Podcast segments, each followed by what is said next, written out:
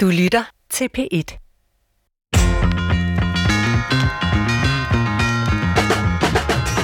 Der er næsten ingen grænser for alle de gode ting, der efter sine følger af at være optimist. Optimister lever længere, er sundere og tjener flere penge. Alt sådan noget. Jeg har dog en mistanke om, at folk nok så ofte bliver optimister, fordi de er rige, og ikke nødvendigvis omvendt. Men øh, selv hvis alle disse fantastiske ting skulle følge af optimismen, så er det som om, at optimisterne glemmer mange af livets grundlæggende vilkår, tragedierne og problemerne og den slags. Personligt foretrækker jeg tragediedigtere og bluesmusikere frem for optimistcoaches, men det kan jo selvfølgelig være, at jeg bliver omvendt til optimismen her i dagens udgave af Brinkmanns Brix. Det forholder jeg mig pessimistisk til, men jeg glæder mig alligevel til en hel times samtale om optimisme, så velkommen til.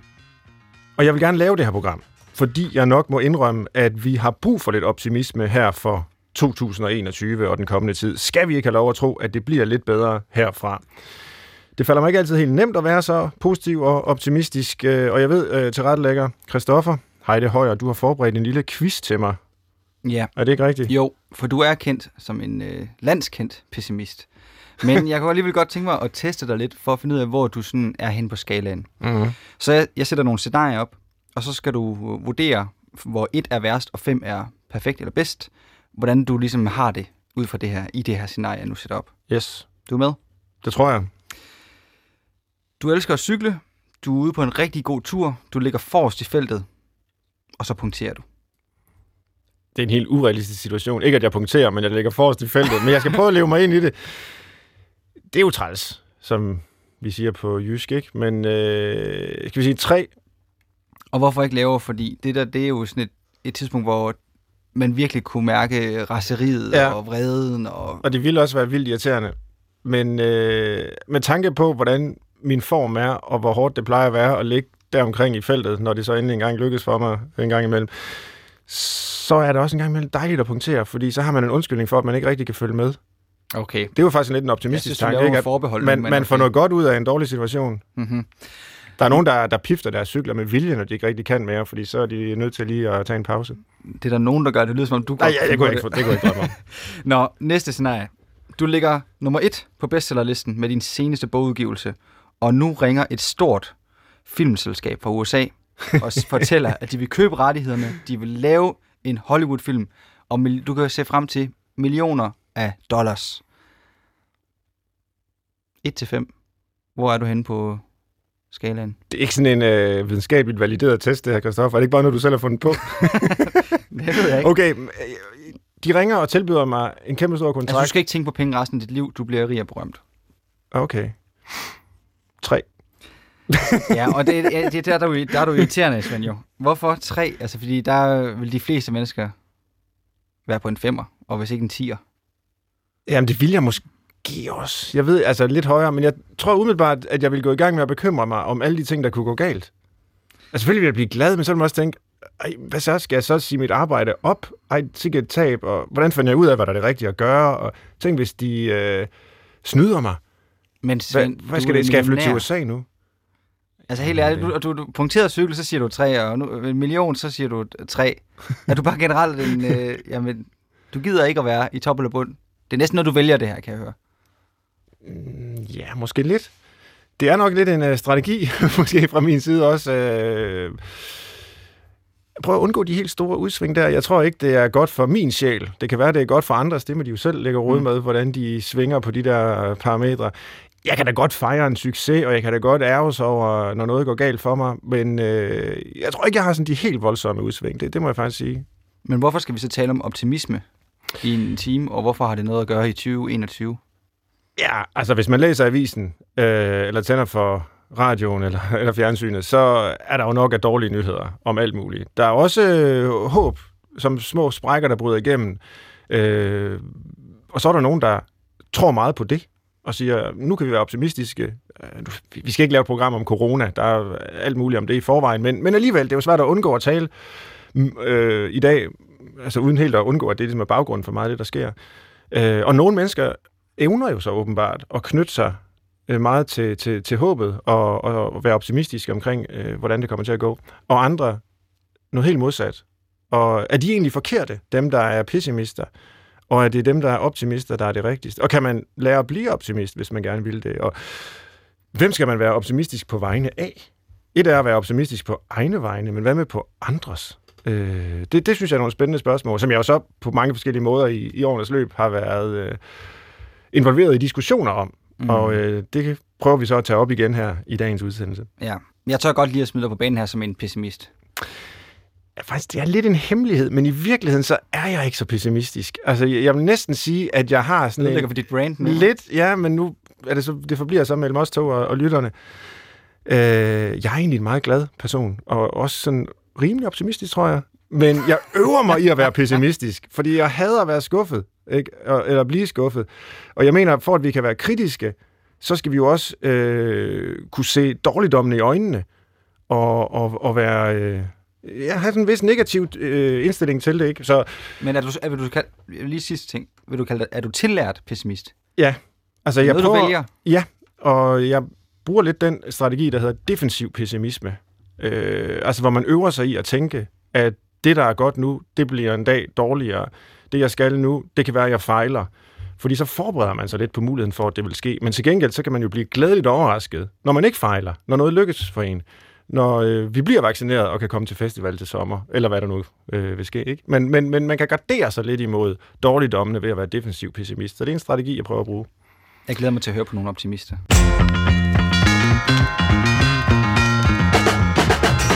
Og vi har nemlig optimister med i dag. Det tror jeg i hvert fald. Øh, nu må vi jo se. Men i hvert fald to øh, gæster, som ser optimistiske ud. Den ene er generalsekretær i Folkekirkens Nødhjælp, Birgitte Kvist Sørensen. Velkommen til dig, Birgitte. Tak skal du have. Og tusind tak for, at du vil være med. Den anden er lektor i uddannelsesvidenskab med baggrund i psykologi. Øh, lektor ved Aarhus Universitet, Frans Ørsted Andersen. Også velkommen til dig, Frans. Tak skal du have, Svend. Jeg vil gerne begynde med dig, Birgitte. Hvordan opfatter du dig selv er du optimist? Det er ikke, fordi du skal tage stilling til de samme spørgsmål, som øh, Christoffer stillede mig, men sådan helt øh, skudt fra hoften. Er det sådan, du tænker om dig selv som en optimist? Ja, altså jeg, jeg tænker aldrig på at blive skuffet, må jeg Nej. bare sige. Det, det falder mig slet ikke ind. Det tager jeg, som øh, det kommer. Jeg er nok mere, så jeg er optimist. Øh, jeg er meget optaget af et begreb, der hedder possibilist. Altså, Mhm. mm-hmm. jeg tror på det mulige, og ja. så forfølger jeg den idé. Hva- Men betyder det, at du aldrig bliver skuffet? Jo, selvfølgelig bliver jeg skuffet. Ja. Øh, jeg kan da også godt blive bekymret, men altså, det er ikke sådan noget, jeg dvæler ved. Så har jeg det sådan mere, nå, whatever, videre. Har det altid været sådan for dig, eller er det noget, du har øh, øvet dig i? Ja. Nej, jeg tror faktisk altid, det har været sådan. Mm. Altså, jeg, jeg er sådan en... Øh, øh, tag chancer. Altså, øh, ja, det kan gå galt, men hvad så? Altså, man kan jo ikke sidde her og tro, at ej, jeg vil ikke gøre det, fordi jeg vil ikke tage imod den der øh, kontrakt i Hollywood, øh, fordi at jeg kan blive skuffet. Jeg vil da mere sige, okay, hvad kunne være fedt ved det? Og Mm. hvad er knap så fedt ved det? Og så vil jeg træffe mit valg ud fra det. ja. Hvad vil det sige for dig at være optimist? Altså nu øh, laver vi et helt program om det, og du har sagt ja til at være med, men folk kan jo knytte forskellige ting til selve det her ord, optimisme. Hvad betyder det for dig? Jamen, det var derfor, jeg sagde possibilist, fordi når man øh, får at vide, at man er optimist eller en jubeloptimist, så er man jo naiv, og man er dum, og man kan ikke se realiteterne i øjnene. Jeg synes, jeg er ret skarp til at se realiteterne i øjnene, mm. øh, men jeg synes da godt, man stadigvæk kan være optimist i forhold til, til det, man ser, og de realiteter, der er. Øh, på en eller anden måde, hvis man er meget pessimistisk, så synes jeg, man går baglæns i stedet for at gå forlæns. Jeg ved ikke, det er sådan et billede, jeg har inde i hovedet. Ja, der synes jeg jo så, at der også en gang imellem kan være grund til at gå baglæns, ikke? hvis man nu er på vej ud over en afgrund, eller bliver drevet af sted, og det går lidt for stærkt. Ja, Kan, man så ikke, kan der så ikke være grund til øh, at, øh, ja, populært sagt, tage nej-hatten på, og lige bremse op og sige, det, det gider jeg sgu ikke, det tror jeg ikke på, det der. Det kan man da godt. Man kan da bare stoppe. Men man kan også sige, okay, kan jeg lære at flyve? Det kan da godt være, man kunne. Ja, Det kan man ikke vide. og så kan man også falde jo, og slå sig. Ja, så har vi et godt sundhedsvæsen. Jeg kan ikke øh, få dig øh, ramt her, kan jeg høre. Så vil jeg spørge i stedet for, fordi nu driller jeg dig jo lidt og prøver at, at hvad kan man sige, få en, øh, en fod indenfor, så jeg kan finde nogle andre sprækker, der også kan øh, gøre lidt reklame for den her pessimisme. Men når du møder verden, som du gør, møder du så nogensinde kritik for at være for positiv? Er der nogen, der siger, ah, det der, det er altså for jubeloptimistisk? Nej, fordi jeg synes egentlig, når jeg møder verden og ude i verden, så tager jeg øh, det alvorlige ganske alvorligt. Ja. Men hvis ikke, at jeg kan se, at der er handlemuligheder, hvis ikke jeg kan se, at vi kan gøre noget ved det her, hvis vi virkelig lader os i selen mm. øh, for det, så skulle jeg jo ikke være i det her job. Mm. Altså, jeg kan jo sagtens blive vred, jeg kan blive indineret, jeg har da alle de følelser. Jeg har måske ja. bare ikke den pessimistiske følelse. Men, og, så, så, og så vil jeg sige, at de mennesker, jeg møder, giver mig jo også troen på, at det kan lade sig gøre. Altså, folk spørger mig jo tit, om ikke det er forfærdeligt at se øh, så meget ulykke. Men det, jeg ser, det er jo ressourcestærke folk. Ja. Altså, man skal jo være meget ressourcestærk og optimistisk, hvis man skal være fattig eller på flugt. Ellers mm. så dør man jo ganske enkelt. Så de mennesker, jeg møder, de har jo haft den tro på og den optimisme, at, at, at de vil overleve det her, og de skal nok komme videre. Og det, det er sådan det, der driver mig. Det kan godt være, at jeg misforstår begrebet optimisme eller noget, men jeg nævnte jeg først øh, i udsendelsen bluesmusikken, og altså måske mere alment musik i mol. Altså, der er jo en lang tradition, og en også tragediedigterne, ikke? Altså, vi har øh, film, der handler om øh, tra- øh, tragiske hændelser og afmægtighed. Så noget bibringer mig trøst. Altså, hvis noget er svært, og hvis jeg sidder fast i noget, øh, så er det sådan, at jeg får det jeg vil ikke sige bedre, fordi det er, det er ikke et forsøg på at få det bedre, men, men trøst er måske det bedste. Altså når man ligesom er, øh, lytter til, at andre har haft lignende erfaringer. Og jeg ved ikke, om man kan sige, at man kan bruge det til noget, men, øh, men det sætter en i nogle svingninger med nogle dimensioner af tilværelsen, som jeg har svært ved at, at hente fra sådan de mere optimistiske og positive toner. Men sådan har du det ikke. Øh, e- eller måske spurgt lidt mere konkret, altså, hvad gør du rent faktisk, hvis noget er rigtig svært? Øh, sætter du, nu bliver det så meget banalt måske, men altså, kong, sætter du glad musik på, hvis du er ude i, i nogle områder, hvor folk har det vældig svært, der er en katastrofe osv., eller, eller hvordan hiver du optimismen og, og det positive frem? Ja, altså, det, det er jo ikke sådan, at jeg sætter popmusik nej, på, hver nej. gang jeg er ked af det. Øh, jeg kan også høre, øh, jeg hører meget jazzmusik, det kan bestemt også have nogle måltoner. Men for mig handler det om at finde lyset i det der mørke. Mm. Øhm, og når jeg ser en film, og jeg, jeg tuder hele tiden, når jeg ser film, så når jeg ser en, en film, der er frygtelig tragisk, så det, jeg går væk med fra filmen, det er der, hvor der var de der sprækker, hvor der var en god relation, når mm, kæresten dør, eller øh, hvor der alligevel var noget, der flyttede sig, selvom den, der øh, kæmpede for demokrati, blev slået ihjel. Så, så, så jeg jeg får de der sådan blikke i noget, der er meget tragisk på, jamen det har jo flyttet noget, det har jo været med til at skabe noget. Og i det øjeblik, det var meget tragisk, er der jo som regel også fli af noget, der er rigtig godt. Og det er egentlig det, jeg bruger tid på at finde ud. Det er meget sjældent, jeg sidder ned og siger, øh, ej, de har det dårligt, så kan jeg også tillade mig at have det dårligt. Altså, der er jeg slet ikke. Der har det med, men hvad, hvad er det, der er, hvad er det, der er det her lysglemt, den der sprække øh, som, som jeg kan komme videre på. Vi skal også høre dig, Frans Ørsted Andersen. Hvordan opfatter du dig selv på sådan en øh, optimismes-skala? Øh, jamen, jeg vil sige, at jeg er sådan en moderat optimist. Ja. Hvad ligger, hvad ligger i det? Ja, altså... Øh, man kan sige, at øh, jeg, jeg øh, nu hørte, jeg kan genkende meget af det, Birgitte sagde, som jeg også ville øh, beskrive det her optimisme med. Øh, og jeg tror, vi skal komme nogle andre ord på jeg, øh, i min verden, jeg er jo sådan lidt repræsentanten for den positive psykologi i dag. Og hvis vi skulle tage et begreb, vi kunne knytte på det her med optimisme, så kunne det være et begreb som mestring. Mm-hmm. Altså at det med, at vi laver nogle aktiviteter, som vi føler, vi har fået på. Mm-hmm. Øh, noget, der kan lykkes for os. Noget, vi øh, på en eller anden måde ved at anstrenge os, så kan vi få det til at køre. Og deri, der ligger jo også øh, en forbindelse til optimisme. For når vi oplever, jamen når jeg anstrenger mig, når jeg prøver så godt jeg kan, så lykkes det, så får jeg også grund til optimisme. Så når jeg siger moderat optimist, så vil jeg også sige, vi skal også have noget at have det i. Ja. Øh, der skal være en eller anden base, så det netop ikke bare bliver jubeloptimisme. Ja. Øhm, så, så jubeloptimisme, det kan vi sådan, måske lidt uvidenskabeligt her sidde og definere som, ubegrundet optimisme. Nemlig. Hvorimod en, du kan det så moderat optimisme, men altså en, en reel optimisme, kunne man måske også bare sige, som faktisk ja. er begrundet i, at jeg er lykkedes med noget. Så derfor så har jeg grund til at tro, at jeg vil kunne bidrage i fremtiden også. Ja. Eller sådan. ja. Et godt eksempel på en jubeloptimist, det var jo ham, den officer, der var her syd for Aalborg i 1864. og han stormede prøjserne med en lille gruppe danskere øh, ja. op ad bakken, og der lå, de blev meget ned alle sammen. Ja. Så det viser jo også bagsiden af jubeloptimisme. Jeg tror, hans soldater vi have sat pris på, at han var mere pessimist, Ja, og de var blevet nede bag skansen. ja. En anden Så- jubeloptimist kunne måske være Donald Trump, som Ja. vi heller ikke behøver at blande ind i alt muligt. Nej. Men, men, men som jo bliver ved med at sige, jeg skal nok vinde, bare vent, øh, højesteret erklærer mig som vinder, og, og så videre, og så videre.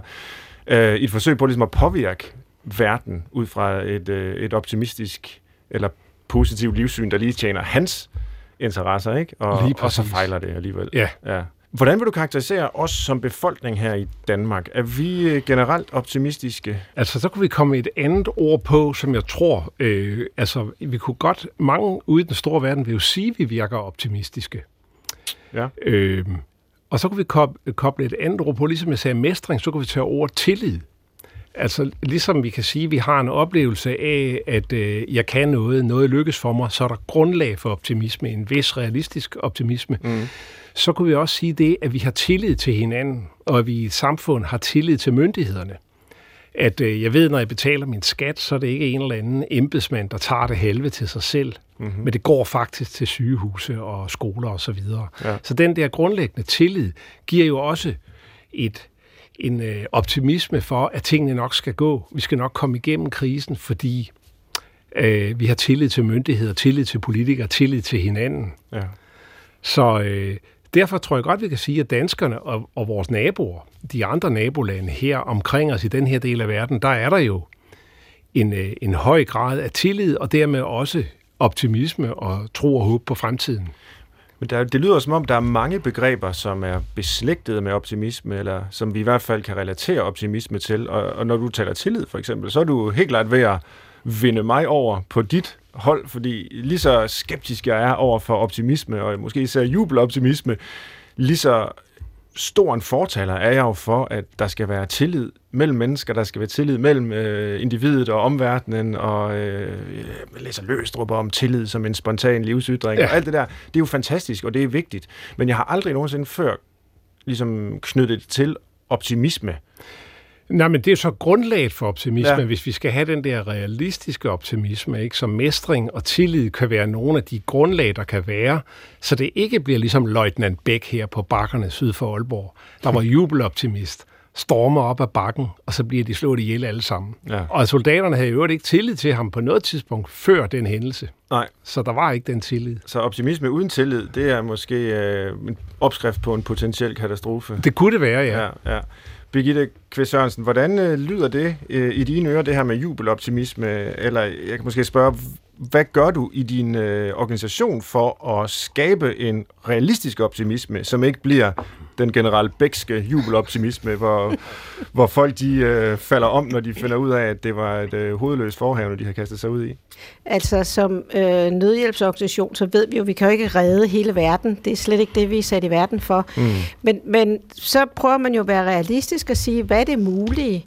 Altså, hvad er det, vi, hvad er det, vi gerne vil sige til danske politikere for eksempel, så kan det jo ikke nytte noget, at vi siger, ej, vi synes simpelthen, at øh, udviklingsbistanden skal ski, stige til det femdobbelte. Det er jo ikke realistisk. Det er jo en, det er jo en dum optimisme at have. Mm. Men at prøve at være mere realistisk, men også øh, se på mulighederne. Altså, vi ved jo allerede nu, hvad der skal til for at løse alle de her problemer. Så lad os prøve at kigge på de løsninger, der er. Og det er jo en, en, en optimisme, tænker jeg, men det er jo ikke en...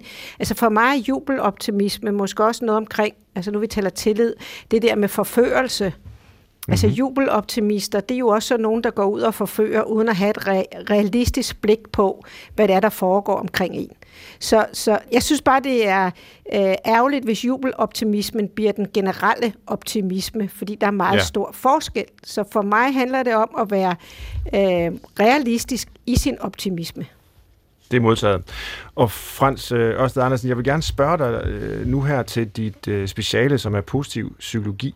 Men før da, så kunne jeg godt tænke mig lige at runde, og det kan være, at det kan relateres til positiv psykologi og den forskning, der foregår der.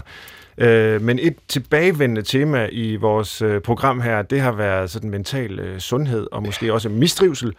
Øh, ikke mindst blandt de unge generationer. Og jeg kunne tænke mig at spørge dig om, øh, det i dine øjne er udtryk for måske manglende optimisme, manglende tillid, for at bruge et andet ord, du introducerede, hos øh, den unge generation, som jo vokser op i en verden, hvor der jo er reelle kriser. Nu er der jo coronakrise, men der er klimakrise, der er, har været økonomisk krise og alle mulige øh, ydre ting, der sker. Og så ser vi en ungdomsgeneration, der bonger ud på stress og angst og depression og får flere diagnoser, end nogen generation har fået før dem inden for det psykiatriske øh, område. Handler det om manglende optimisme? Uha, ja, det er jo et stort spørgsmål, og det er jo noget, at øh, du og jeg som psykologer, det lander jo hele tiden på vores bord på ja. alle mulige måder, det her. Det er et skræmmende problem.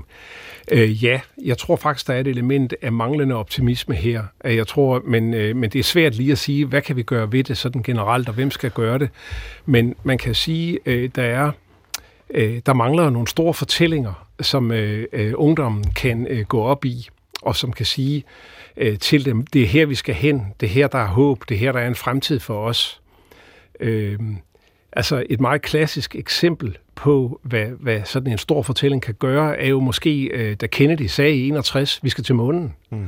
Og det var jo, altså på det tidspunkt, det eneste man kunne, det var at sende en øh, metalspand ud, og så kunne den flyve rundt om jorden og sende et par bibelyd ned, ikke? Øh, men øh, otte år efter, der stod de jo på månen. Mm. Og det var helt fantastisk, og det gav jo en generation håb og tro på, øh, at øh, vi kan lykkes med nogle ting. Øh, og på samme måde kunne vi tage med Birgittes, ikke? at man kunne også godt vedtage, at nu vil vi afskaffe fattigdom. Øh, vi satte 5% af, øh, af alle de rige landes bruttonationalprodukter, ligesom de gjorde i USA med måneprogrammet. Det var vanvittigt dyrt. Mm.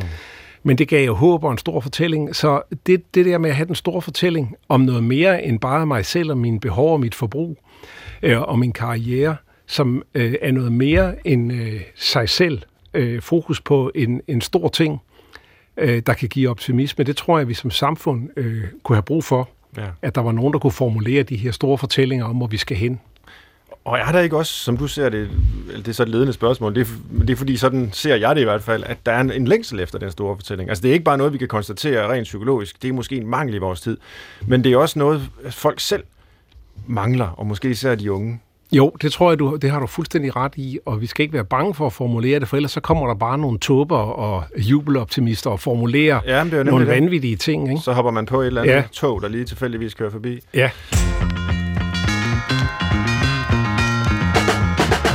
Og det er måske så en øh, bro til dit øh, felt, som er positiv psykologi. Øh, og det kan være, at vi simpelthen bare skal begynde med, fordi nu ved jeg jo godt lidt om, hvad positiv psykologi er, og har også været i forskellige debatter øh, vedrørende positiv psykologi, men sådan helt fra bunden, hvad er det egentlig? Ja, altså, øh, man kan sige, det, det er jo cirka 20 år gammelt. Og øh, starten var jo egentlig øh, nogle øh, centrale øh, folk inden for psykologien, der ligesom var ved at være lidt trætte af øh, noget af det, du jo også har udtrykt af og til, Svend, det her med, at øh, vi synes, psykologien efterhånden bliver præget meget af diagnosetænkning. Der er alle mulige manualer, og der kommer mere og mere optagethed af symptomer, diagnoser, behandlingsformer, terapier, medicinering osv. Det er jo en gammel diskussion inden for psykologien, men, men det har også længe været sådan, at man har ønsket, øh, måske kunne vi også gøre noget andet øh, end den her diagnosevej.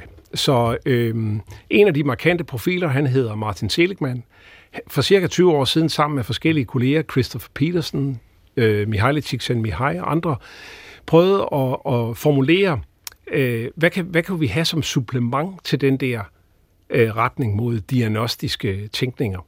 Kunne vi lave et system, hvor vi også kan identificere styrker, øh, handlemuligheder, ressourcer i mennesker, på samme måde som man har det på det kliniske område. Ikke fordi det er forkert, men vi har måske brug for at have noget andet i værktøjskassen. Så når vi skal beskrive mennesker, så i stedet for at sige, at du har alle de symptomer her, og du har svært ved det og det, og det skete første gang, dengang du oplevede det og det, og siden da har du haft alle de her ting, og nu kan vi prøve med noget terapi, og vi kan prøve med nogle piller, og måske skal du indlægges, og så håber vi, det hjælper. Så kan man sige, som supplement kan vi også prøve at afdække, jamen oven i det, jamen, er der så noget, øh, der er øh, ressourcer i dig? Øh, mhm. lidt ligesom Birgitte siger, selvom at det er ulande, selvom det er en flygtningelejr, er der nogle ressourcer, vi også kan identificere? Er der nogle netværk? Er der noget, de kan gøre, de her mennesker? Så man kan se på, jamen selvom man har alle de her øh, eventuelt en diagnose. Jamen, er du for eksempel måske gået til øh, at spille musik? Er du gået til at cykle? Er du gået til øh, at snakke med andre? Øh, vi kan identificere dem lige så struktureret, som vi kan, at vi kan øh, have lange ICD-10, ICD-10 øh, diagnoser, hvor vi identificerer en række øh, øh, detaljer i vores psyke, så kan vi også identificere øh, en masse ting. Og det har altså vist sig, at det er der rigtig mange praktikere. Jeg har også selv været PPR-psykolog. Og jeg har altså nået... pædagogisk psykologisk rådgiver, ja, i det, man får skolepsykologien. Nemlig. Ja. Og for eksempel øh, havde jeg en periode, hvor jeg arbejdede øh, som PPR-psykolog med en del af, af Volsmose. Og der var der jo mange tunge sager. Altså Volsmose er jo en bydel i Odense, som øh, svarer til øh, Gellerup-parken i Aarhus og øh, tilsvarende i København og Aalborg er der også sådan nogle områder. Og der var nogle tunge sager, og der var rigtig mange øh, papirer i sagsmappen hos nogle af de her medborgere. Og det kan være ret træls at sidde og hele tiden se, og så har du været ude i misbrug, nå, så er det en dysfunktionel familie, nå, så har du haft problemer med politiet, nå, så har skolelærerne skrevet sådan. Så var det altså rart også at kunne sige, nu tager vi altså en test her på dine styrker. Hmm. Seligmans øh, 24-punkts øh, karakter afdækning af øh, alle sammen nogle øh, ressourcer. Altså det kan være humor, det har vi snakket om. Øh, det kan være øh, dine evne til at samarbejde. Det kan være vedholdenhed og alle de her ting. Mm. Og det var faktisk rigtig befriende at have den vej at gå også. Mm-hmm. Men det er klart, det, vi, det bliver jo jubeloptimisme, hvis man så siger, at nu er det bare nok. Vi skal bare afdække styrkerne, og så går alle problemerne væk. Sådan er det jo ikke. Mm. Så jeg vil sige, den positive psykologis tilgang er et supplement, det er ikke en erstatning. Det får, vi har noget mere værktøj. Og så var det kolossal vækst, øh, positiv psykologi, og er vel stadig, altså tiltrækker rigtig mange, øh, både forskere og praktikere, og der er jo intet af det, du har sagt nu, som jeg er uenig i, eller på nogen måde til afstand fra. Det er jo øh, altså, ekstremt værdifuldt, at man ikke bare måler, hvad folk ikke kan, altså med symptomchecklister, du har det dårligt på det og det og det og det punkt, øh, osv., men at man også ser på, hvad, hvad kan du faktisk, hvad har du af muligheder? Øh, det er selvfølgelig opbyggeligt som menneske at, at finde ud af det. Der, hvor jeg så har haft mine øh, kan man sige, reservationer over for positiv psykologi, det er, når jeg vil sige, måske især en del praktikere anvender positiv psykologi på måder, som i mine øjne har det med at overse de reelle problemer, folk står med. Ikke? Altså, hvor de får at vide, når nu temaet her er optimisme, jamen, grunden til, at der er et problem på den her arbejdsplads, eller at de her børn ikke lærer nok, eller hvad det nu kan være, det er, at de mangler optimisme og så prøver man at ligesom injicere en bestemt psykologisk egenskab i deres øh, sind, eller, eller hvor det nu er, man putter det ind, ud fra en betragtning om, så løser det problemerne som jo så kan handle om alt muligt andet strukturelt. Altså, der kan være stor fattigdom, der kan være meget af det, Birgitte øh, Kvist Sørensen her jo, jo kender til fra sit arbejde i Folkekirkens Nødhjælp. Altså, øh, altså store samfundsproblemer, hvor jeg mener, det er ikke bare naivt at tro, man kan løse det ved for eksempel at gøre mennesker optimistiske, men jeg vil næsten mene, at det er udtryk for en kontraproduktiv ideologi, altså, fordi så lærer folk jo, nå, det, det er altså mig, der er noget galt med. Det er fordi, jeg ikke er optimistisk nok, at mit liv ikke lykkes. Det har ikke noget at gøre med de omstændigheder, jeg lever under. Kan du følge den ja, ja, det kan, form for det, kritik, ikke? Altså, hvor jo. man ligesom negligerer de omstændigheder, folk lever under, og kun fokusere på sådan en psykologisk egenskab, de antages at bære rundt på i, i, ja. i sig selv. Det er jo klart, at det, det, øh, altså, det, har, det er jo et problem. Det er, det er jo et problem også for psykologien, og måske også for medicinen, at der er ja. nogen derude, der måske glemmer konteksterne. Det samme er jo, hvis en læge øh, kun medicinerer mod hovedpinen med piller, og ikke glemmer, at det er fordi, han bor i en lejlighed, der ligger en motorvej lige ved siden af. Mm. Øh, så det, det er jo lidt det, ikke? Ja. Øhm, så øh, det, det, det, der vil jeg så sige, at, at, at, at noget af det her kom til Danmark, og vi gik i gang, og vi har en masteruddannelse på Aarhus Universitet, der skrev jeg en kronik sammen med en kollega, der hed Ebbe Lavendt, der tilbage i, øh, jamen det har været en øh, 7-8 stykker. Øh, den kom i Aarhus Stiftstidende, og øh, den handlede så om lige de her ting, at vi skal selvfølgelig sige, at positiv psykologi er et supplement. Øh, vi bliver nødt til også at adressere kontekster, øh, fællesskaber, sammenhænge. Øh, så øh, det er klart, at at du kan ikke bare symptombehandle og tage en enkelt faktor som optimisme og sige, det skal vi have mere af, og så går, så går motorvejen væk. Birgitte Kvist Sørensen, nu har du lyttet til vores øh, lille fagsnak her, øh, og debat, kan man vel kalde det, omkring positiv psykologi. Øh, har du en reaktion på det, eller øh, er det noget, der taler ind i nogle øh, diskussioner, I har i Folkekirkens Nødhjælp? Jamen, jeg, jeg er helt enig. Altså, det er jo lidt ligesom, vi i lang tid talte om, at vi skulle have anerkendende ledelse. Mm. Og det gør rigtig meget, men altså, så går man hen hele tiden og siger til medarbejdere, I var du dygtig, I var du dygtig, og to uger efter, så fyrer vi dem. Altså, mm. så der er jo en balance i det her. Der er jo en balance, altså det positive kan jo være til muligheder.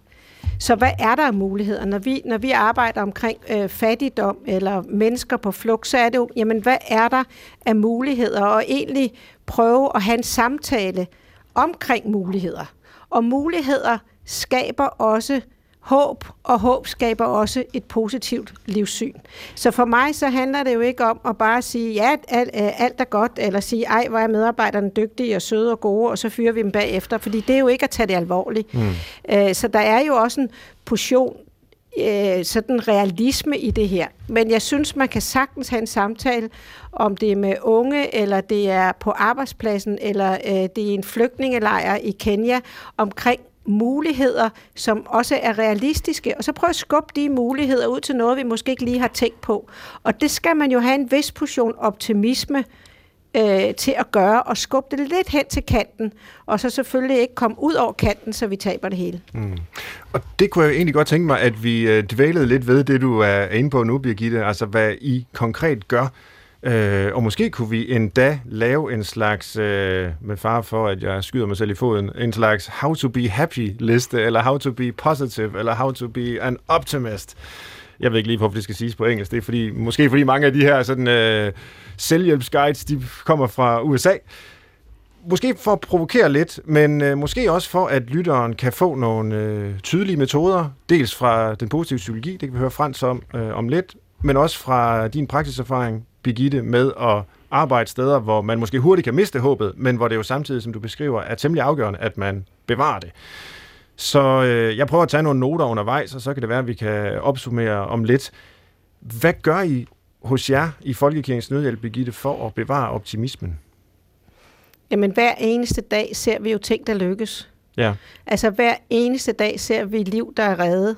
Så altså på den måde er det jo svært ikke at være optimist. Mm. Altså, så man kan jo vælge at se på de liv, der er reddet, i stedet for de liv, der så måske ikke bliver reddet, mm. eller den forandring, vi skaber. Men det, der egentlig er vigtigt, synes jeg, og der, hvor vi lærer rigtig meget Folkekirkens Nødhjælp, det er jo at tale med de mennesker, det handler om. Fordi der, hvor jeg synes, situationen kan være svær, det er, når jeg er en flygtningelejr, øh, som jeg var på et tidspunkt, hvor der sad en kvinde, der havde fuldstændig mistet håbet. Altså, og hun var som i helt udslukt. Hvor, hvordan begynder man den samtale? Så skal jeg jo ikke sige, åh lille ven, det går nok, nu skal du bare se her. Nu du skal er bare jeg, være optimist. Du skal bare være optimist, og nu er jeg her fra Danmark, og det skal ja. vi nok fikse. Men hvordan kan man få ligesom, øh, hvad skal man sige, åbnet op for en samtale, som peger ind i en fremtid? Og der tror jeg, at vi kan hjælpe hinanden ved at også være positive, men også respektere, at det tager tid at åbne op for den samtale. Ja. Altså, det er jo lidt det samme som at sige til en, der har lige begået selvmord og ligger på hospitalet, Nå, det skal nok gå, du kan jo se, du bliver reddet. Altså, det, det, er, jo, øh, det er jo kontra produktivt, kan man sige. Men det må Men, være ekstremt svært at finde den rigtige måde og den rigtige balance mellem at anerkende øh, de problemer, den her person står i, og samtidig være opmærksom på, at der kan være øh, håb. Altså, fordi hvis, hvis man øh, siger for tidligt, at der er grund til håb, du skal være optimistisk, så er det jo som om, man ikke har respekt for den tragedie, et, menneske eksempelvis kan være i. Og det, det kan jo nærmest være krænkende. Altså, og lige så vel kan det være krænkende, at man overhovedet ikke ser en vej, en vej frem for det her menneske, øh, og, og måske risikerer at holde personen fast i en øh, ulykkelig situation. Jeg ved godt, det er et helt umuligt spørgsmål at svare på, men nu stiller nej, jeg det så alligevel. Men hvordan finder man ligesom balancen der mellem øh, hverken for lidt eller for meget optimisme og håb? Men det er jo fortællingen. Ja. Vi talte om, at der mangler måske den store fortælling til de unge mennesker i dag. Altså det er jo at tage sig tiden og høre en fortælling. Og det jeg faktisk, og det er derfor, jeg husker det så tydeligt, fordi det er meget sjældent, jeg ser mennesker, der sådan er lukket fuldstændig sammen, øh, det var at lade hende fortælle hendes historie. Mm. Og det mm. blev en lang samtale. Og i den historie kom der jo også lysglimtene. Og så skal man jo ikke sige, Nå, så skal du bare gøre sådan, så skal man sige, du sagde lige sådan og sådan, kunne du sige noget mere om det? Mm-hmm. Altså det er jo nærmest, jeg ved ikke, er det psykologi, er det menneske, hvad ved jeg, men altså prøv at få åbnet den fortælling. Og så i alle menneskers fortællinger er der jo også noget, der har givet glæde. Mm. Og det er jo det, man så skal hive fat i, fordi hvis man bare kommer susende med, nu skal du høre, altså jeg kan godt genkende det der, du siger, den der flygtningelejr i Kenya, øh, fordi hjemme i Danmark sådan og sådan, og det har vi danskere og måske også jubel øh, optimisten tendensen til at sige, ja ja, men jeg har også en fætter, der havde den samme sygdom. Eller ja ja, men nu skal du høre, altså easy peasy, det ja. klarer vi. Og der respekterer man jo ikke, øh, hvordan mennesker har det. Men man kan sagtens åbne og igennem fortællingerne, og det er jo ikke noget, der bliver fikset i løbet af en dag. Folk tror jo også, når jeg kommer i en flygtningelejr, øh, hvid kvinde øh, fra et rigt land, nu bliver det hele meget bedre. Og der kræver det jo også noget med at fortælle, jamen hvad er det, jeg er her for? Jeg er her for at høre, hvad de tænker, og lære af dem. Og ja, så har vi selvfølgelig øh, øh, nogle penge, vi kan gøre godt med, men altså prøve at finde den der balance. Det er jo ikke, det er dem, vi skal høre på. Ja. Og det tror jeg, man også skal med dem, øh, der måske er meget pessimistiske, eller har, har problemer, at man skal lytte til det, og så finde de sprækker, og så tage den. Ja, og grunden til, at, eller i hvert fald en af grundene til, at folk betaler ganske mange penge for at gå til psykolog herhjemme, det er jo, at de øh, altså kan få lov at fortælle deres historie, uden at den, de taler med, siger, ja ja, det går nok, jeg, jeg har selv prøvet det der, det gik fint, eller jeg har en fætter, som du siger, øh, der, der kom igennem det. Ikke? Altså, det er måske det, vores venner vil svare, og det er faktisk ikke særlig hjælpsomt. Øh, men det er hjælpsomt at blive lyttet til af en person, der oprigtigt interesserer sig for, hvad man har at sige. Så det er i hvert fald øh, meget konkret. Nu leder vi jo lidt efter how-to-formuleringerne øh, her. Frans øh, Osted Andersen, er der noget i dit arbejde, for din forskning, eller i den positive psykologi, som, øh, som du kan hjælpe med at få ind i, i, i samtalen her, eller i how-to-listen? Jeg vil, jeg vil meget gerne øh, tage tråden op, både ja. for dig og Birgitte, omkring det her med øh, at lytte. Mm-hmm. Øh, en af, af de rødder, den positive psykologi har, det er jo egentlig det, vi kunne kalde den klient- eller personcentreret psykologi. Eller den blev også kaldt den tredje bølge, og blev startet af folk som Maslow og og jeg har faktisk også nogle rødder tilbage til Kirkegård herhjemme, og ham der Viktor Frankl, som jeg ved, du også har anbefalet mm-hmm. forskellige steder. Og øh, Carl Rogers, han havde netop et begreb, der hedder aktiv lytning. Og det er jo sådan et begreb, der går igen i det, vi i dag kalder coaching og sådan noget. Og det vil jeg sige, det har faktisk vist sig forskningsmæssigt, at øh, noget af det, der virkelig virker, hvis vi skal se, hvad kan man gøre for, at mennesker får det bedre, det er, at de bliver udsat for det, der hedder aktiv lytning. Så det er ikke bare at lytte, men det aktive betyder også, at man øh, samler op på den fortælling, og måske leder lidt efter nogle åbninger, nogle sprækker til nogle ressourcer. Så når du fortæ- øh, sidder og fortæller mig, Svend, om, at din kat er blevet kørt ned, og nu er du rigtig ked af det, så er det, at jeg måske kan lede lidt efter, okay, ligger der en lille åbning til, at du nu kunne få en øh, ny killing? Og så kunne det måske være en vej ud af det. Men jeg skal lade dig næsten selv formulere det. Så det er det, der ligger i aktiv lytning. Så det er ikke bare at sidde og sige, hmm, hmm, hmm, men få dig selv til at pege på nogle løsninger. Og det har faktisk vist sig, det ved du muligvis også selv fra den forskning, der har været i årtier i terapi, hvad er det, der virker? Det virker faktisk, når den professionelle er i stand til at være empatisk og faktisk lytte efter. Mm. Så det tror jeg, altså, det er så noget vi alle sammen kan gøre for hinanden, det er og det kan nogle gange være lidt svært for sådan en universitetsmand som mig at lytte. Men øh, fordi vi mener jo, at vi er meget kloge, ikke? så folk skal jo høre på alle vores kloge ord, men, men den der lytning og virkelig give sig tid, det er faktisk noget af det, der kan skabe grundlag også for optimisme. Ja. At man selv bliver mødt af nogen, fordi det er jo der i anerkendelsen også ligger. Ja. Ja. Altså den ligger faktisk ikke i, at man siger, hør nu her, jeg har også en onkel eller alt det. Den ligger jo bare i at lytte og være til stede. Der kommer anerkendelsen. Der får jeg lyst til at gøre reklame for et øh, begreb, som jeg desværre ikke selv kan tage æren for, men som jeg har fra en dansk kollega, Søren Hertz, som er børne- og ungepsykiater. Øh, og nu, Frans, du nævner også det her med, øh, vi var inde på det med de unge og diagnoserne, og vi skal også tænke i andet end diagnoser, og det gør Søren Hertz i høj grad. Og øh, grunden til, at han ikke er jubeloptimist, det er, at han siger, nej, vi skal ikke sige til folk eller unge, som har problemer, at de har uendelige muligheder for at få det bedre, fordi ingen mennesker har uendelige muligheder. Men han har det her fine begreb om uanede muligheder, ja. som man kan finde frem til gennem lytning netop, ja. ved at interessere sig for den anden, høre den andens historie. Øh, det er bare muligheder, som endnu ikke er anet.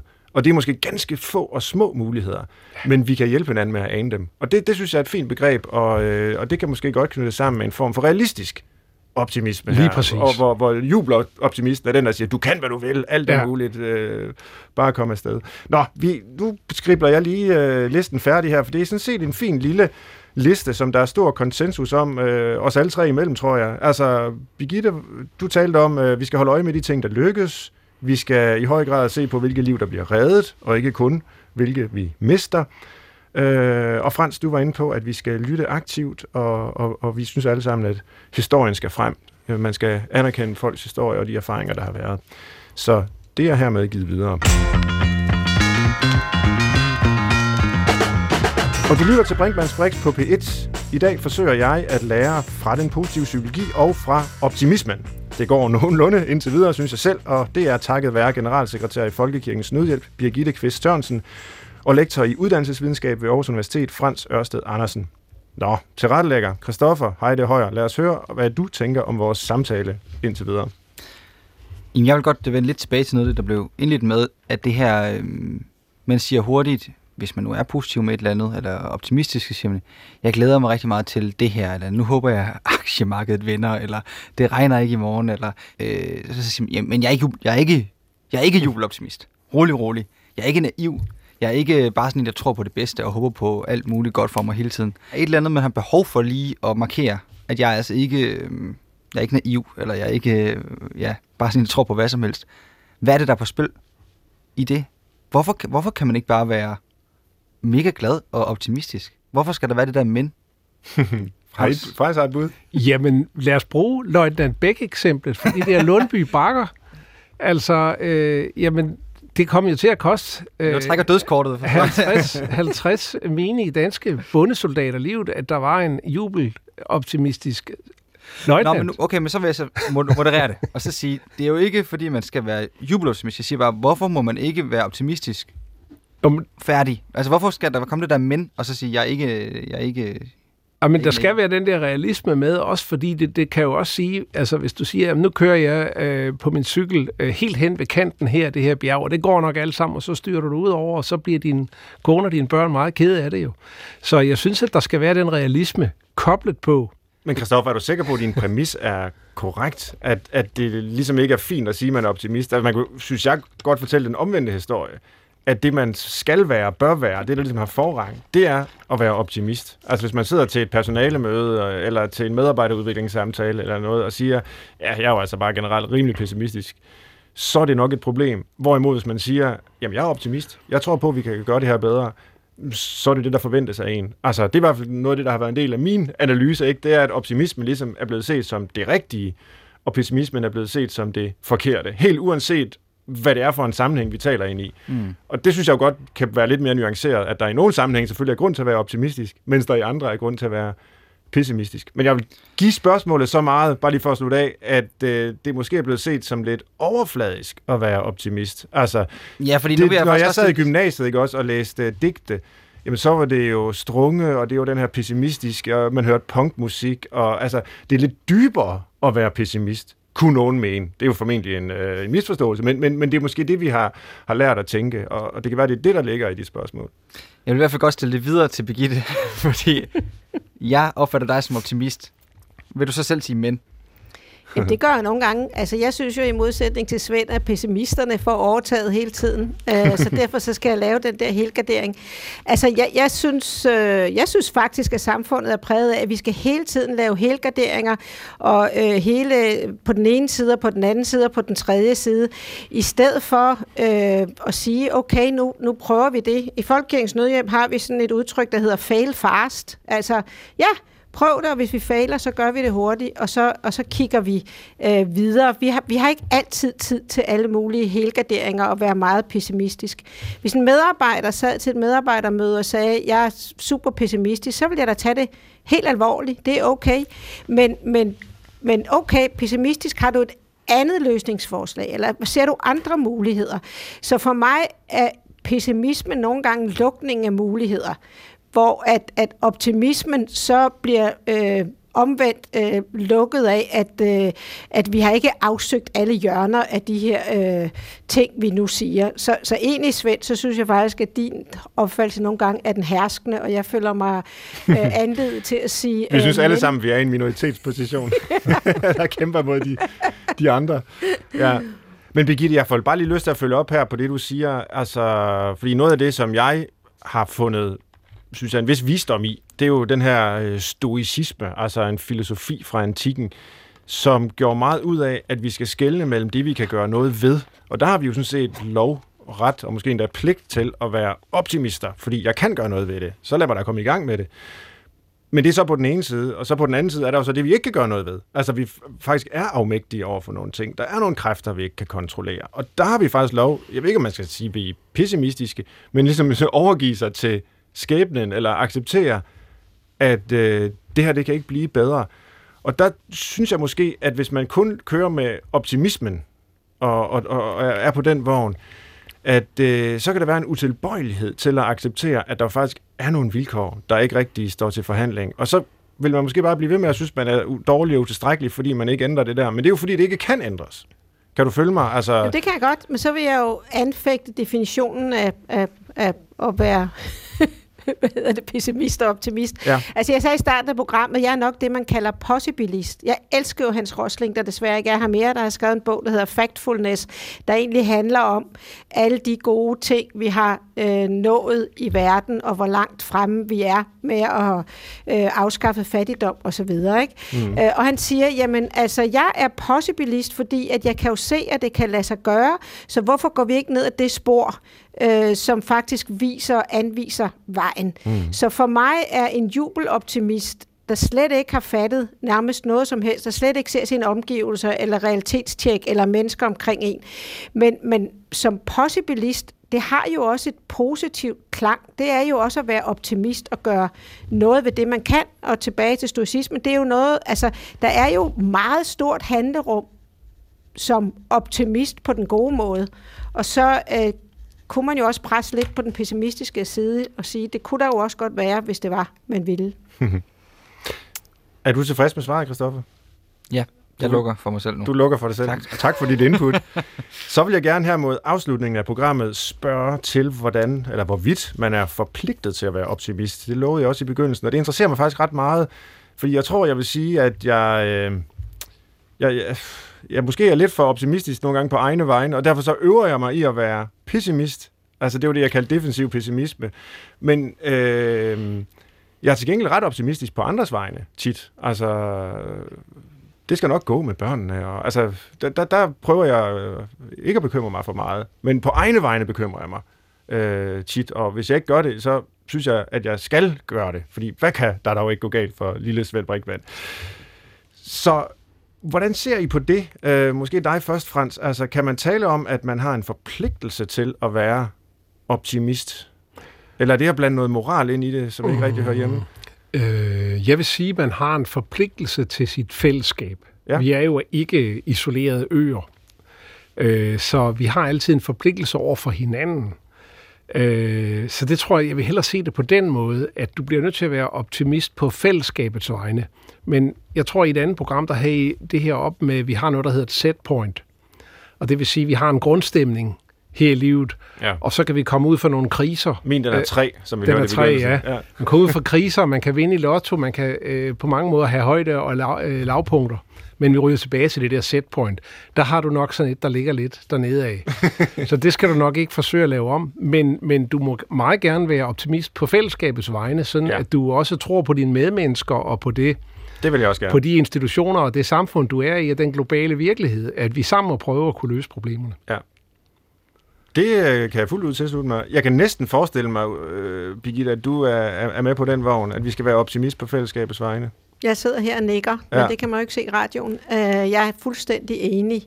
Altså, man kan jo ikke tvinge folk til at være optimister. Det er jo den grundstemning, man har. Men man kan måske altså udbygge, eller i den relation, man har, i det fællesskab, man har, kan man jo tale om det. Altså, øh, øh, som du selv siger, du er optimister på dine børns vegne. Jeg, vores, øh, jeg vil ikke nævne nogen navne. En af vores sønner, i, da han var barn, kaldte vi ham The Man of Constant Sorrow, fordi han var bare, Lasse var bare altid halvt fyldt, ikke? Og, så, og der har man jo bare lyst til at prøve at ændre den der grundtone, og det tror jeg også, vi er kommet godt i vej med. Men, men han så bare huller i alle oste, ikke? Mm. Og der har man jo bare lyst til, når man måske har en anden grundstemning i kroppen, som forældre eller som god kollega, og prøve at arbejde med den grundstemning, uden at, at, at lave et overgreb, men simpelthen prøve at udfolde øh, lidt færre huller i osten, ikke? Mm. Jeg ved så ikke, om det hjalp at kalde ham The Man of Constant Sorrow. Nej, jeg ved ikke, om vi, om vi sagde det til ham. Det kan jo godt blive en selvopfyldende profeti også måske. Men, men, men der er måske et kernespørgsmål her, og det kan være, at vi skal have den positive psykologi på banen til at svare på det, fordi der er jo en ret omfattende empirisk forskning i, om man kan ændre personlighedstræk, øh, hvis optimisme overhovedet er et personlighedstræk, øh. men i det hele taget ændre sig som person. Hvad siger man til det, Frans Ørsted, inden for Ja. ja. psykologien? Nå, men du har jo ret i, for, altså for eksempel lige tage fat i det, vi snakker om før. Det der setpoint, det, det viser sig, det er svært at løfte. Du Ja. kan faktisk godt skubbe det lidt. Okay. Og især, altså, hvis du, hvis du har det med at glide ned, øh, glide ned i sådan en uh, depressionslignende tilstand, så, så kan det godt, øh, det kan vi godt få dig op af. Øh, heldigvis. Så det der setpoint kan løftes lidt, men ikke ret meget, og det er hårdt arbejde. Ja. Så jeg vil sige, at øh, forskningen viser jo, at, øh, at du kan jo godt ændre nogle vaner. Og som jeg sagde før, en af de ting, at man kan gøre, det er, at folk, for eksempel hvis man har de her depressive tendenser, så sørg for at lave nogle aktiviteter, der ligger på det her mestring, som er mere end bare noget, man rutinemæssigt er gået til, men hvor man ved at anstrenge sig, så kan man. Så når man lærer noget nyt, så skal man sørge for, at det ligger på et niveau, hvor du også har en chance for at kunne det, så kan du faktisk løfte folk lidt ud af den der depressive øh, tilstand. Så jeg vil sige, at optimisme er jo altså noget, vi, vi godt øh, momentvis kan arbejde med, øh, ligesom vi kan ændre vaner. Mm. Øh, og så noget som mestring, men også netværk. Ja. Ja. Altså øh, sørg for at, at have mange venner og dyrke din familie, og, fordi der ved vi, at der ligger glæden og optimismen ligger jo også i samvær med andre. Helt sikkert. Men jeg spørger også, fordi jeg har jo læst flere bøger fra positive psykologer, altså meget af det er jo dybt seriøs forskning, men der er også øh, nogen, der formidler øh, nogle af de her ting på sådan en relativt letbenet måde, og det kan jeg jo godt forstå, og det skal jo også ud til folket og så videre, men altså, som også indeholder sådan deciderede små øvelser, man kan gå, taknemmelighedsøvelser, man skal tænke på tre gode ting, inden man falder i søvn, og øh, huske på de positive følelser, og gennem dine, altså, altså sådan nogle ting. Øh, kan det rykke ved noget?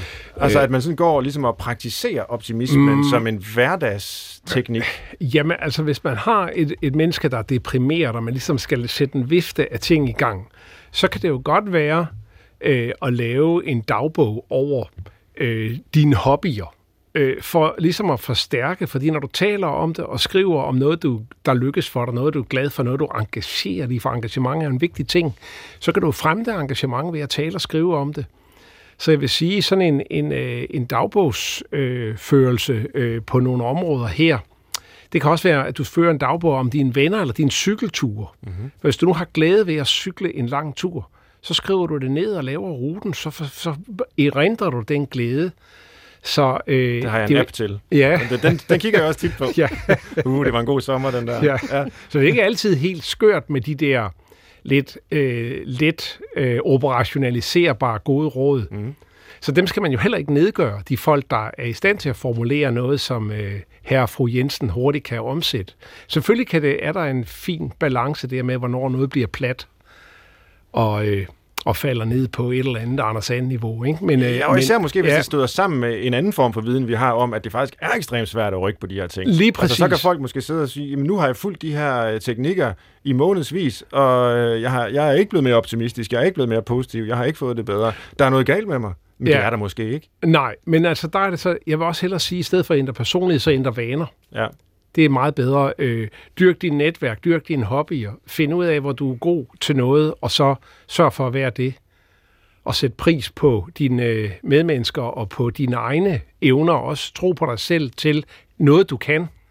ja. Øh, Og så måske, nu bliver jeg også lidt normativ, ikke? men altså hvis man er en grumpy old man, eller Ja. en grumpy old woman, så er det måske også en meget sjov måde at være menneske på. Nemlig. Altså dem har vi da også brug for. dem har vi også brug for. Det kan jo også være underholdende for dine omgivelser. Lige præcis. så nu er vi lidt optimister ja. Ja. på øh, pessimisternes vegne. Nemlig. Har du noget, du vil få til her, øh, Birgitte? Fordi nu blev det igen sådan en lidt teknisk diskussion af, hvad kan man gøre som menneske ud fra den psykologiske videnskab, øh, og du har jo al din erfaring med Folkekirkens Nødhjælp. Øh, Går I rundt og fører lister over gode oplevelser, eller er det mere noget, der bare lever som fortællinger i organisationen? Ja, det er begge dele. Ja. Vi er super skarpe på at dokumentere resultater. Altså, og resultater viser jo, at ting lykkes, så det er jo med til at, at give noget. Øh, så, og så er det det der med at bruge fortællingerne. Jeg tror, det er enormt vigtigt, både øh, i familier og i, i, i vennekredse, men også på arbejdspladsen, at skabe nogle fortællinger, som er lidt, kan man sige, tykkere, øh, så det ikke bare bliver det der øh, letbenede, mm. øh, I var det godt-agtigt hele tiden, for det kan man jo heller ikke holde ud. Men bare sige, okay, hvad lærte vi der? der lærte vi måske det og det, så er der nogle andre, der siger, jeg lærte det og det. Så, så skabe nogle fortællinger, tror jeg, er rigtig vigtigt, og så dokumentere benskarpt. Bum, det her, det lykkedes. Det virkede super godt afsted ud over stepperne. Det sidste, jeg gerne vil høre jer om, det er, hvordan man kan blive en jubeloptimist. Det er ikke noget, vi skal ønske at være. Ingen af os har været fans af jubeloptimisten, men øh, alligevel kan det måske tjene som en form for advarsel, hvis vi formulerer tre gode råd til at blive det så kan folk selv vente den om hjemme ved radioerne. Det er vores øh, liste, som er sådan lidt satirisk men, som vi altid slutter programmet af med, som i dag altså skal munde ud i tre gode råd til at blive jubeloptimist. Har I inputs til den? Du sidder og nikker, Frans. Jeg har tre. Godt, ja. Fantastisk. Jamen, øh, den ene er jo, at øh, du skal bare fokusere på dig selv. Ja. Øh, du er selv vigtigst. Ja. Det var det ene. og det andet, det er, glem fortiden. Øh, der, der er ikke noget at hente der. Så vær i nuet. Og det tredje, det er, du skal bare altid være i godt humør. Ja. Altså, jeg har jo skrevet en bog om det her, faktisk, med sådan nogle helt præcise trin, men jeg har aldrig tænkt, at det skulle være en reklame for optimismen, men en advarsel mod øh, jubeloptimismen. Jeg kan skrive under på det hele. Fokuser kun på dig selv. Glem fortiden. Altså, vær kun i nuet. Og øh, vær altid... Hvad var det sidste? Vær altid i godt humør. I godt humør, ja. nemlig. Simpelthen. Ja. Så bliver man jubeloptimist. Ja. Birgitte, har du noget, du vil få til? Jeg synes, de var gode, dem fra taget. Altså det der med, øh, lad være med at tale med andre, lad være med at lytte, øh, fokusere ja. på dig selv, og åbn aldrig en avis, eller radioen. øh, og så bare øh, flyve ud over kanten og tro, du er blevet til en fugl. Ja. Det er skønt. Lad være med det, men nu har de fået de gode råd, så tak for dem. Og mange tak i det hele taget til vores gæster. Birgitte Kvist Sørensen, du er generalsekretær i Folkekirkens Nødhjælp, og Frans Ørsted Andersen, du er lektor i uddannelsesvidenskab ved Aarhus Universitet. Tusind tak, fordi I kom og gjorde mig og lytterne klogere. Og jeg er nok blevet lidt mere optimistisk, eller i hvert fald vil jeg forsøge en gang imellem at se på mulighederne frem for begrænsningerne. Det lover jeg. Du holder øje med mig, ikke, Christoffer? Og du er tilrettelægger på programmet, Christoffer Heide Højer. Jeg hedder Svend Brinkmann. Skriv til os på brinkmannsbrix.dr.dk med forslag til programmer eller hvad I end kan finde på. Jeg håber, vi høres ved. Tak for i dag.